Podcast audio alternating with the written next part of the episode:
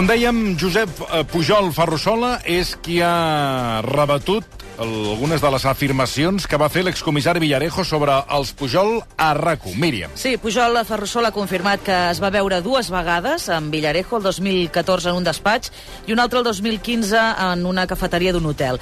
Així era la tàctica d'acostament de Villarejo, segons Josep Pujol. Eh, ell ja l'heu vist, té un estil així campechano i tal, i llavors fa una aproximació una mica de compadreo, que és una mica com funcionen els còdics de Madrid, aquests còdics de, de restaurant i de cafeteria de, de Los Gallos, de la calle Puigcerdà o de, del Magro 10, que són allà on, on es troben tots els jutges i els policies i els periodistes i tal, i utilitzen aquesta, aquesta estratègia al compadreo, en el qual intenta entendre una mica qui té davant i, i, i, i, i què pot obtenir i què li pot treure. Josep Pujol Ferrusola nega que en aquesta trobada hagués passat draps bruts d'esquerra a l'excomissari, com ahir apuntava Villarejo al Monarracú. El fill de l'expresident diu que va ser totalment a l'inversa. La tema d'Esquerra Republicana és evident que ningú li va dir res, primera perquè jo no sé res d'Esquerra Republicana i mai utilitzaria informació contra Esquerra Republicana. Ell tenia algunes coses que em va comentar i que quedaran aquí. I que no em dirà. Però després... Perdona? I que no em dirà. No, clar que no. Sí, si vol que te les digui ell. No, no, és que el, el tema d'entrar a entrevistar mentiders com el senyor Villarejo és que mai et contesten el que tu vols i al contrari, es campen merda I també ha volgut desvincular els Pujol de qualsevol protecció de la corona. Això que va dir de que, de, que, jo- de, que, de que el president Pujol se sentia protegit per la corona i que realment ho estava, i que això és... leyendas, leyendas urbanes, leyendes urbanes, perquè, escolta, la protecció de la corona és meravellosa, sobretot quan ja has vist la, la poca protecció que tenia la corona, no? Mm. És, és, és la llegenda urbana clàssica d'aquest país. Sobretot a la causa contra els Pujol, diu que tot el que han buscat ha anat caient pel seu propi pes, però que el cas no s'arxiva perquè és una causa política. Porten 11 anys intentant investigar amb lupa i no han sigut capaços de portar cap prova. I l'única cosa que tenien, que eren els negocis del, del meu germà Oleguer amb Drago, resulta que el propi jutge li diu que estos són pura, puras elucubraciones periodístiques. Val? Amb la qual queda molt, molt, molt poca cosa. Després parla de la cuenta Soleado, Arturo Fasana, la relació con el rei d'Espanya. Tot això és un invent del Javier de la Rosa, que ell el que fa és copiar-ho i escriure-ho, o sigui, una mentida total.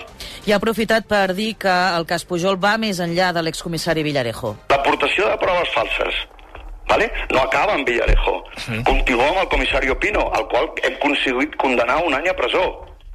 I amb el seu deixeble, un tio que es diu Álvaro Ibáñez Alfaro, que és el que escriu tots els informes de la causa Pujol. Acaba amb amenaces físiques al carrer quan presentem una denúncia contra el Pino. Gent que se t'apropa eh, i et diuen no sigues per aquí o vas a tenir problemes. Hi han seguiments, persecucions. Ens han robat dues vegades a cases particulars, no s'han emportat res, només han entrat els ordenadors. Ens han robat tot el material informàtic, tots els mòbils, tots els, tots els ordenadors que ens havien de tornar, els van atracar a punta de pistola una furgona a Madrid. I la policia diu que no, és que no, que, que no saben nada. Deu ser normal, això a Madrid, deu ser normal. Vale? No tenim cap capacitat d'accedir a la informació que ens van prendre, cap. No ens podem defensar. També ha negat haver estat en una trobada amb travestis on va morir un amic seu, com va dir eh, també Villarejo. Eh, Sí, efectivament, jo tenia un amic, va sortir una nit, eh, va sortir una nit i no va tornar. I llavors la policia, fent una mica de rastre de la gent amb la que havia estat, jo havia estat amb ell un dia abans, em va trucar i li vaig dir, sí, sí, efectivament el vaig veure el dia aquest i no l'he vist més. I després el vaig anar a veure, vaig anar a veure la policia per interessar-me i tal, què havia passat, em van explicar el que havia passat i fins aquí. I a aquest senyor li va sortir això i va pensar, mira, aquí tengo yo un argumento para este, para ver si, para ver si debilito su posición. És igual, no té cap importància ni cap transcendència, l'única importància que té és que aquest amic meu, pobre, va morir i m'hagués encantat estar amb ell aquell dia que potser l'hagués pogut ajudar. Ha descartat, això sí, denunciar Villarejo per falsedat, perquè sempre que s'han intentat carallar contra ell els hi han tombat. I com dèiem, Pujol Ferrusola ha acusat l'excomissari de mentir sense aportar mai cap prova i s'hi ha referit així. Parla de la cuenta Soleado, Arturo Fasana, la relació con el rei d'Espanya. Tot això és un invent del Javier de la Rosa, que ell el que fa és copiar-ho i escriure-ho, o sigui, una mentida total.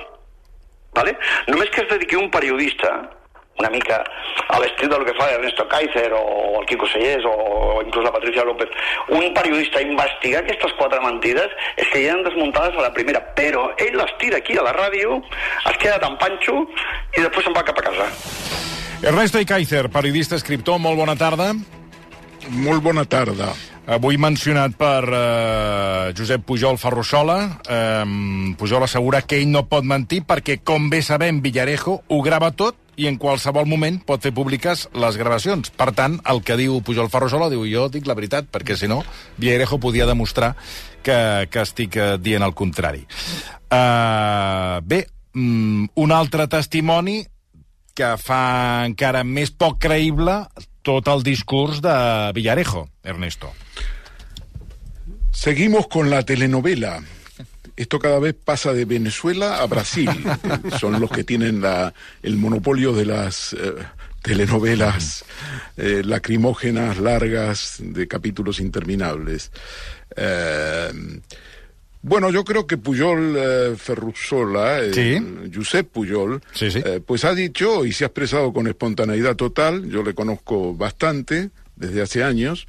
Yo no le conocía cuando escribí en el diario El País eh, el encuentro que tuvo él en febrero del 2014 con eh, Villarejo en un bufete de abogados de Madrid, de la calle de Martínez Campos, de Madrid, para más datos, y eh, pues es un encuentro que fraguó de alguna manera el que hizo de intermediario es Javier Iglesias Redondo, que es un abogado, bueno, que ha estado muy próximo al PP, que fue abogado de eh, de, mm, eh, de una persona muy re- relevante del PP y de también muy próximo a, a María Dolores de Cospedal, una persona que eh, llegó a tratar con Mariano Rajoy, según él mismo cuenta, y, y por tanto él fraguó este encuentro porque Villarejo además conocía a una persona en Indra, en la empresa en que trabajaba eh, Josep Pujol, y ese encuentro se produjo. Y en efecto, pues eh, mi información en el diario El País en, eh, 2014, eh, el encuentro fue en febrero de ese año, eh, y mi información es que había habido un intento de Villarejo de eh, ofrecer sus servicios para hacer una especie de mediación, que es el sistema de trabajo habitual de José Manuel Villarejo. Eh, y en efecto, eh, se habló de Esquerra Republicana, pero en mi información, eh, en, en aquel entonces, y digo en aquel entonces, no conocía yo a Josep Pujol, eh, eh, efectivamente se habló de Esquerra Republicana y de alguna manera lo que quería eh, Villarejo era sonsacarles eh, información como es su método habitual. A cambio de eso, pues prometía el oro y el moro y librarles a todos del, del infierno. Mm. Eh, sobre les acusacions pels negocis dels seus germans, Josep Pujol ha recordat que fa 11 anys que estan investigant amb lupa i assegura que no han aportat cap prova. Diu que és una lluita desigual perquè ni tan sols els deixen personar-se en la causa contra, contra Villarejo. Um, a dia d'avui, com està aquesta causa judicial? Uh, ahir, per exemple, ho vàrem comentar de, de passada i vostè ens ha explicat que el jutge Manuel García Castellón encara no ha resolt el recurs. Uh, quins tempos té això? És a dir, quan es resoldrà aquesta causa que, com diu Josep Pujol uh, ja fa 11 anys que, que s'està investigant? Bueno, tenemos dos cosas. El- la causa contra la familia Puyol, Sí. que está señalada la apertura del juicio oral, y no hay fecha, y no hay ninguna razón para que no haya fecha. Está toda la familia imputada, la madre de José Puyol, por supuesto, Marta Ferrusola, está en una situación desde el punto de vista jurídico penal que no es posible porque ella no, ya no discrimina, está en una situación eh, personal eh, de enfermedad que no puede ser responsable y por lo tanto ha sido excluida y eh, todos los demás eh, están en condiciones en principio de asistir a ese juicio oral, de defenderse y tal. Pero sin embargo no se fija fecha. Y no se fija fecha porque no se fija fecha, no hay ninguna razón objetiva. Se perdió el sumario, como contó Josep Pujol esta mañana a Jordi Basté, pues eh, le robaron una parte eh, a través de una, de una operación en Madrid. Això, això, perdoni, quan ha explicat això, que ho recordo perfectament, és de les coses també estranyes que passen a muy, Madrid. muy extraña y eso se denunció y salió en los medios, pero bueno, con esas noticias como el Guadiana, ¿no? Aparece y desaparece. Eh, eso después eh, se les repuso, se le repuso después de mucho tiempo las pruebas, el material, lo que eran los sumarios, que son larguísimos, y eh, siguen sin fijar fecha. Mi información es que eh, la fiscal que tiene que acusar eh, o que tiene que asumir la representación, Belén Rueda, que llevó la instrucción del sumario, en gran parte llevó la instrucción del sumario, pues tiene sus en fin, tiene sus reticencias a ser la persona que va a llevar el tema del juicio. No, no lo tengo confirmado, Tony, pero mm. eso llegaría a explicar, en cierto modo, eh, el retraso en el sentido de que si ella necesita un refuerzo o lo que fuere, evidentemente es una causa muy larga, es una causa eh, de mucha documentación y sobre todo donde los delitos pues están eh, de alguna manera pues muy poco, en mi opinión, delimitados y el material probatorio es un material bastante endeble. Tengamos en cuenta que esta causa, esta causa, ha sido una causa llevada adelante bajo una presión mediática frenética. Una presión mediática de los periódicos de Madrid, sobre todo el diario El Mundo, uno de los diarios que más involucrado estuvo con Villarejo en la operación de descrédito de los dirigentes independentistas catalanes, empezando por el famoso borrador del 2012, borrador apócrifo falso, eh, luego con la cuenta falsa de Trías en, en Suiza. Tengamos en cuenta todo esto para tener en cuenta que esa presión mediática operó sobre la Fiscalía Anticorrupción. El caso de Drago, mm, donde estaba imputado Olegué Puyol, llevó a invenciones sobre sus relaciones con Prisa, de que era el casero de Prisa, eh, y toda esa historia, y eso se ha cerrado, y aquí paz y después gloria. Aquí todos los que llenaron con páginas y páginas de eh, lamentos de que era una barbaridad lo que hacía Olegué Puyol, eh, el pequeño de los Puyol, pues ahora se han callado la boca y ya no hablan más, este tema ya no está de moda, eh, eh, por lo tanto, esa presión mediática explica en un 90% el caso de Puyol. Luego están, evidentemente, los negocios de Jordi Puyol Ferrusola, el primogénito, que deben ser investigados, a mí me parece bien que estén investigados, si hay comisiones o no hay comisiones, pero eso no justifica una causa de 10 años. Y no justifica además el deseo de presentar a la familia, entre comillas, la familia, escrito en italiano.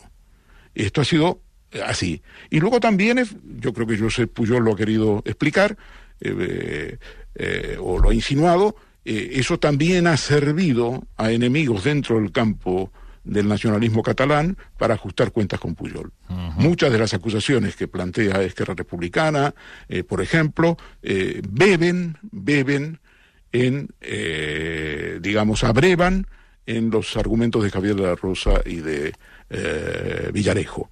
Y, y, entonces todo eso ha, quedado, ha creado un totum revolutum, una bola de nieve en la cual eh, tenemos un juicio que no sabemos cuándo se va a celebrar, porque no hay interés en que se celebre. Estoy seguro que se celebrará, pero ¿cuándo se celebrará? ¿En qué condiciones estará Jordi, eh, eh, Jordi Pujol y Soleil, el expresidente de la Generalitat. Él tiene, en este momento, si no me equivoco, 91 años.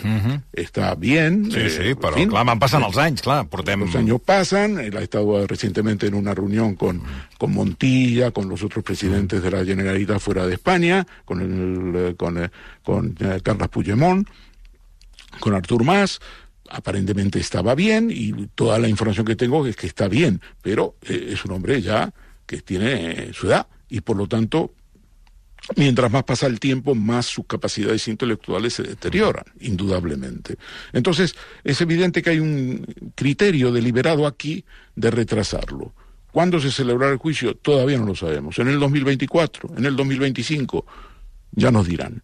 Eh, y esta es una realidad. Y sobre esta realidad eh, digamos, en el debate de hoy, lo que hemos visto es eh, lo que en el debate de hoy, me refiero a... Sí, en la conversa amb, Josep, amb Jordi Basté y Josep Pujol Ferrusola. Yo, yo, creo que él ha sido bastante sincero, porque él se ha lamentado de que, eh, en fin, eh, eh, todo el mundo da por amortizado eh, lo que son eh, in, indicios, algunos indicios eh, que se basan a su vez y le rizan el rizo a lo que se llamó el, el, el testamento del ABI, eh, la, famosa cuenta en, en, Andorra, que existió, pero sin embargo las cuentas que dijo Villarejo que existían de Artur Mas en Liechtenstein y de Jordi Pujol en Suiza no existen, no se ha determinado su existencia, y por lo tanto Eh, además, todo lo del borrador es una operación eh, para debilitar a más en su convocatoria de elecciones anticipadas el 25 de noviembre del 2012. Eso es una realidad y Villarejo, a través de los audios que yo he aportado, eh, así lo demuestra en sus conversaciones con Francisco Martínez. Uh, avui, Ernesto, Josep Pujol ha afirmat que Villarejo està en fals en el cas Pujol i també en el cas Sandro Rossell perquè ja ha estat jutjat. Uh, ell ha dit que si aquesta causa no fos una causa política ja faria temps que estaria arxivada. N'està d'acord vostè? En una parte muy importante estoy de acuerdo, porque ha sido un chicle esta causa. Esto ha sido un chicle a la luz de los intereses del gobierno del Partido Popular, la, eh, la indiferencia del Partido Socialista, eh, todo el mundo se ha lavado las manos y ha convenido colocar a la familia Puyol, estigmatizarla y, y, no hay no hay pruebas necesarias. La instrucción sumarial ha sido una instrucción sumarial a golpe de informes de muy dudoso, eh, de muy dudosa, eh, digamos, eficiencia o, calidad técnica. Eh, basada en suposiciones, en un desconocimiento de cómo funciona el sistema financiero, eh, y, y, en ese sentido, pues eh, eh, se entiende el retraso. El retraso tiene que ver con la dificultad técnica de encajar y de presentarse a esa causa. No tiene ninguna justificación.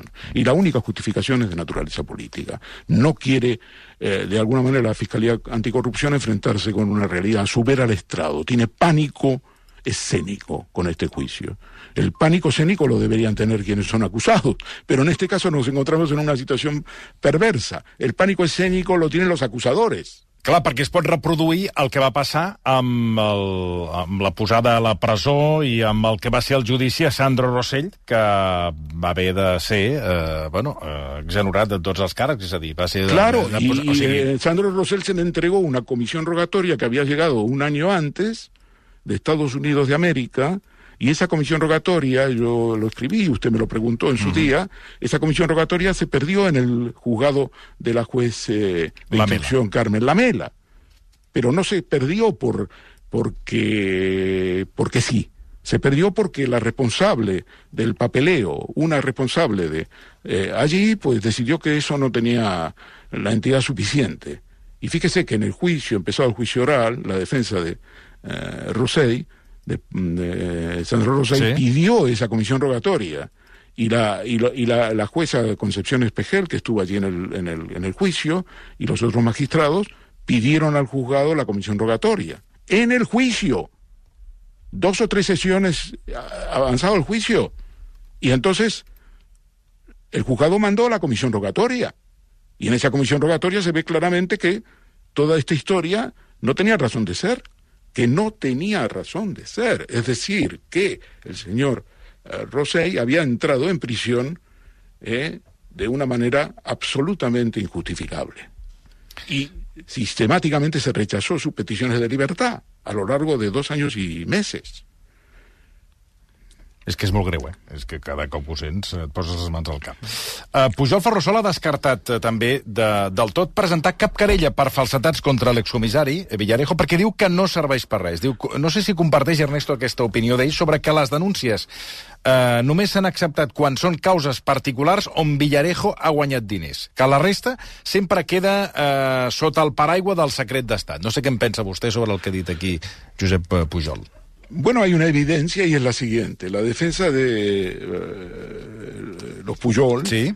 y de Jordi Puyol Ferrusola, en primer lugar, el primogénito, eh, decidió eh, pedirle al titular del Juzgado Central de Instrucción número 6 de la Audiencia Nacional, señor García Castellón, ya hace casi dos años, eh, la personación, por considerar que muchos aspectos de la causa, eh, pues evidentemente les afectan.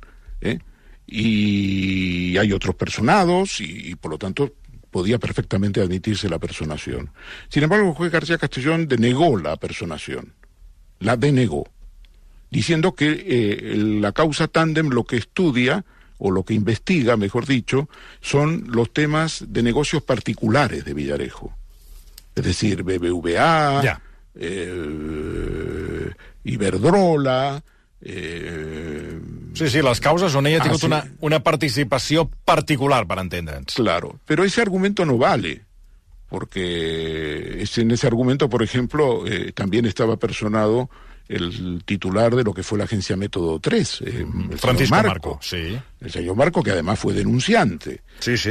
Y durante un tiempo, hasta que se cerró ese capítulo, que voy a recordar una vez más, se cerró esa causa, con la disidencia del fiscal anticorrupción eh, Miguel Serrano, que no firmó el escrito. Es el único escrito que él no ha firmado, el, la- el archivo de la causa de Método 3, eh, porque creía que había elementos para investigar la Operación Cataluña a partir de la, pieza de Método 3 en el caso Tandem. Pero dejemos esto. Eh, entonces, el juez García Castellón resolvió denegar la petición de personación de Jordi Pujol Ferrusola.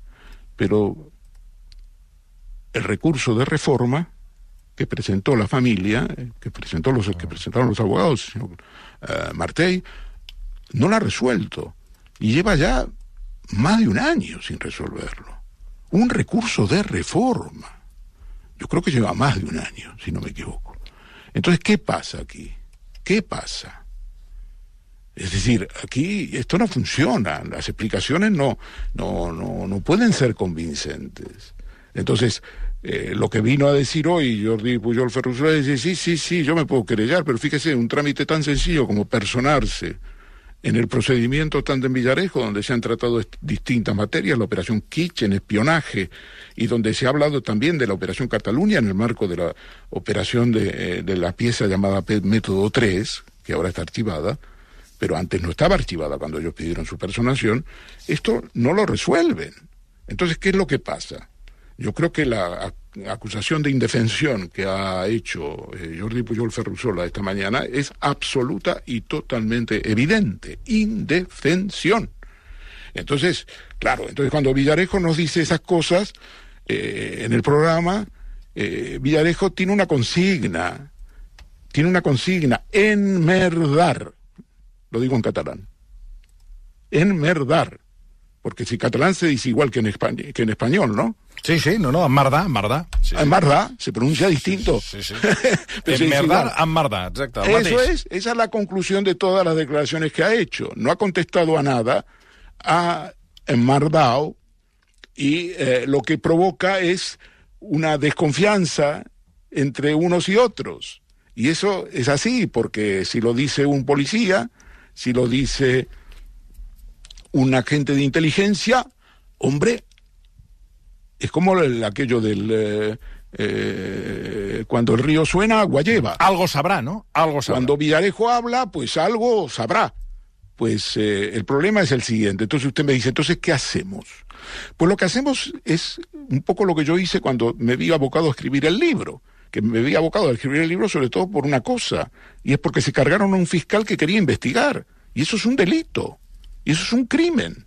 Entonces escribí ese libro, pero me basé no en lo que dice Villarejo. Si yo me tuviera que bajar en todo lo que dijo Villarejo en la Comisión de Investigación del Congreso de los Diputados, no me va nada. Algunos testimonios son importantes, pero no los de Villarejo, los que conocen a Villarejo. Como un comisario que dijo, el tema de Villarejo es muy sencillo. El tema de Villarejo se llama pasta. Fue un comisario general de Policía Judicial. Pero, no cualquiera, ¿eh? y que dijo que lo de la gente de inteligencia es un cuento, un cuento chino, porque la gente de inteligencia, las operaciones encubiertas, tienen que ser autorizadas por un juez. Así está en la ley de enjuiciamiento criminal. Entonces, todo milonga, toda mandanga. Entonces yo creo que eh, eh, y tal. Y luego las reuniones con Puyol, pues evidentemente Puyol pues tenía interés en conocer, eh, en fin, su familia estaba, digamos, en, varios procedimientos judiciales, se le abrió esta puerta a través de un abogado y le fue a ver, pero es Villarejo quien habló de eh, Esquerra Republicana. Y lo que le dijo, pues era lo típico de Villarejo, los trapos sucios, los trapos sucios, eso es lo que le comentó respecto a dirigentes de Esquerra Republicana. No le voy a decir cuáles, porque él no lo dijo y no lo quiere decir. Pero habló de trapos sucios de dirigentes de, de- de- Republicana y nombró. Y los nombró. Uh, Josep Pujol també ha afirmat que de proves falses no acaba en Villarejo, que continua això vostè ens ho ha explicat en, en infinitat d'ocasions, amb el comissari Pino i amb el seu deixeble Álvaro Ibáñez Alfaro. I ha recordat que els que han, eh, el van amenaçar pel carrer, que, el, que, el, bueno, que els van amenaçar pel carrer, que els han robat els ordinadors i que tot el material que els havien de tornar es va esfumar, recordem-ho, quan van atracar a punta de pistola la furgoneta que, que ho traslladava. Eh, per tant, és evident que Villarejo, Ernesto, no ha actuat sol, sinó que en determinades causes, en moltes causes, tenia, diguéssim, un, un equip colaborador. Es evidente que en el, el tema de, eh, la Operación Cataluña con la familia Puyol encuentra un, marco ideal para eh, llevar a toda la opinión pública de Madrid y del resto de España a través de los periódicos militantes eh, de Madrid. Periódicos que aparecen como periódicos independientes y que no lo son, y que son un brazo armado de la policía, de la policía y de los servicios de inteligencia. Pero en particular, el caso de Pino es llamativo. Pino ha sido imputado y se le condenó a un año de cárcel Ujú, sí, sí. por el tema del pendrive. Entonces, esto ya es una, una prueba muy importante. Y lo consiguieron, en fin, después de un esfuerzo eh, jurídico y después de una serie mm, de una investigación especial. Lo de Andorra no se ha investigado, pero ¿qué ha pasado en Andorra? En Andorra se cargaron un banco. Se cargaron un banco sobre la base de la acción de la policía española y de la connivencia con ciertos sectores en Andorra y los americanos, que se creyeron a pie juntillas todo lo que se les contó desde España. ¿Dónde está el señor Martín Blas? ¿Ha tenido, ha pagado algo por esto? Ahí está, todavía intoxicando a los medios de comunicación. Hay algunos periodistas que siguen con él y seguirán siempre con él porque les da información, como algunos siguen con Villarejo, porque les da información. Este es el tema. Usted dice, no, la, la, prensa, la compra de la prensa. Muchas veces la compra de la prensa no es la compra como la gente lo cree. La compra no es como la gente lo cree. Tú compras con información. Tú le estás dando información. Y claro, la información te permite firmar en el periódico. Uh -huh. Y cuanto más firmas en España, más te conocen. Y porque entonces después vas a las tertulias. Y entonces tu sueldo, que puede ser eh, más o menos eh, eh, bueno o malo en el periódico para el que trabajas o en el medio inicial para el que trabajas, se multiplican las tertulias. Y vas a esta tertulia. Los tertulianos son generalmente los mismos. Uh -huh. Son todos los mismos que se reparten. Luego las tertulias tienen una cuota política. ¿Y dan? A ti no te invitan a mayor gloria porque te, si tú no tienes compromiso con los partidos políticos. Eso es lo que me pasa a mí. Se lo digo porque no le estoy, eh, vamos, le estoy transmitiendo cuál es mi situación. No te llaman mayor gloria tuya porque tú eres inteligente o porque haces un planteamiento original, porque tu punto de vista no. No, no, no. Es cuota. Simpatizante o militante, sea como lo quieras llamar. Y entonces, claro, todo esto hay que entenderlo, hay que ponerlo en el puzzle para entender lo que ha pasado con la familia Puyol.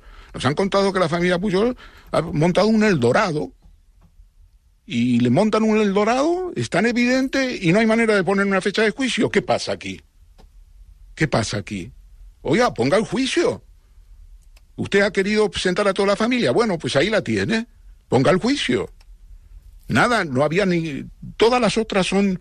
Eh, todo es prioritario antes del juicio, antes de este juicio que se está investigando una causa durante 10 años. No, es evidente que aquí hay una historia. Y luego te hacen. Eh, te hacen eh, telenovelas en las plataformas de la familia, de la familia, uh -huh. en italiano, uh -huh. sí. y, y, todo eso. Entonces, no, no, no, no.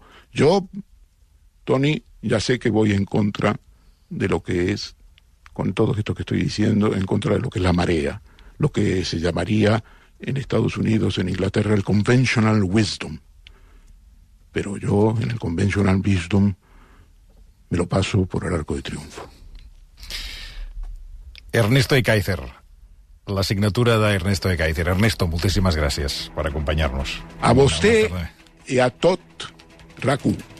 Gràcies, Ekaizer. Fem una pausa i d'aquí uns moments us presentarem un llibre, per cert, avui es presenta en Societat, Brots de Narcosocietat. Un llibre apassionant que ens porta la periodista de TV3, Fàtima Llambric. Us el presentem en 5 minuts.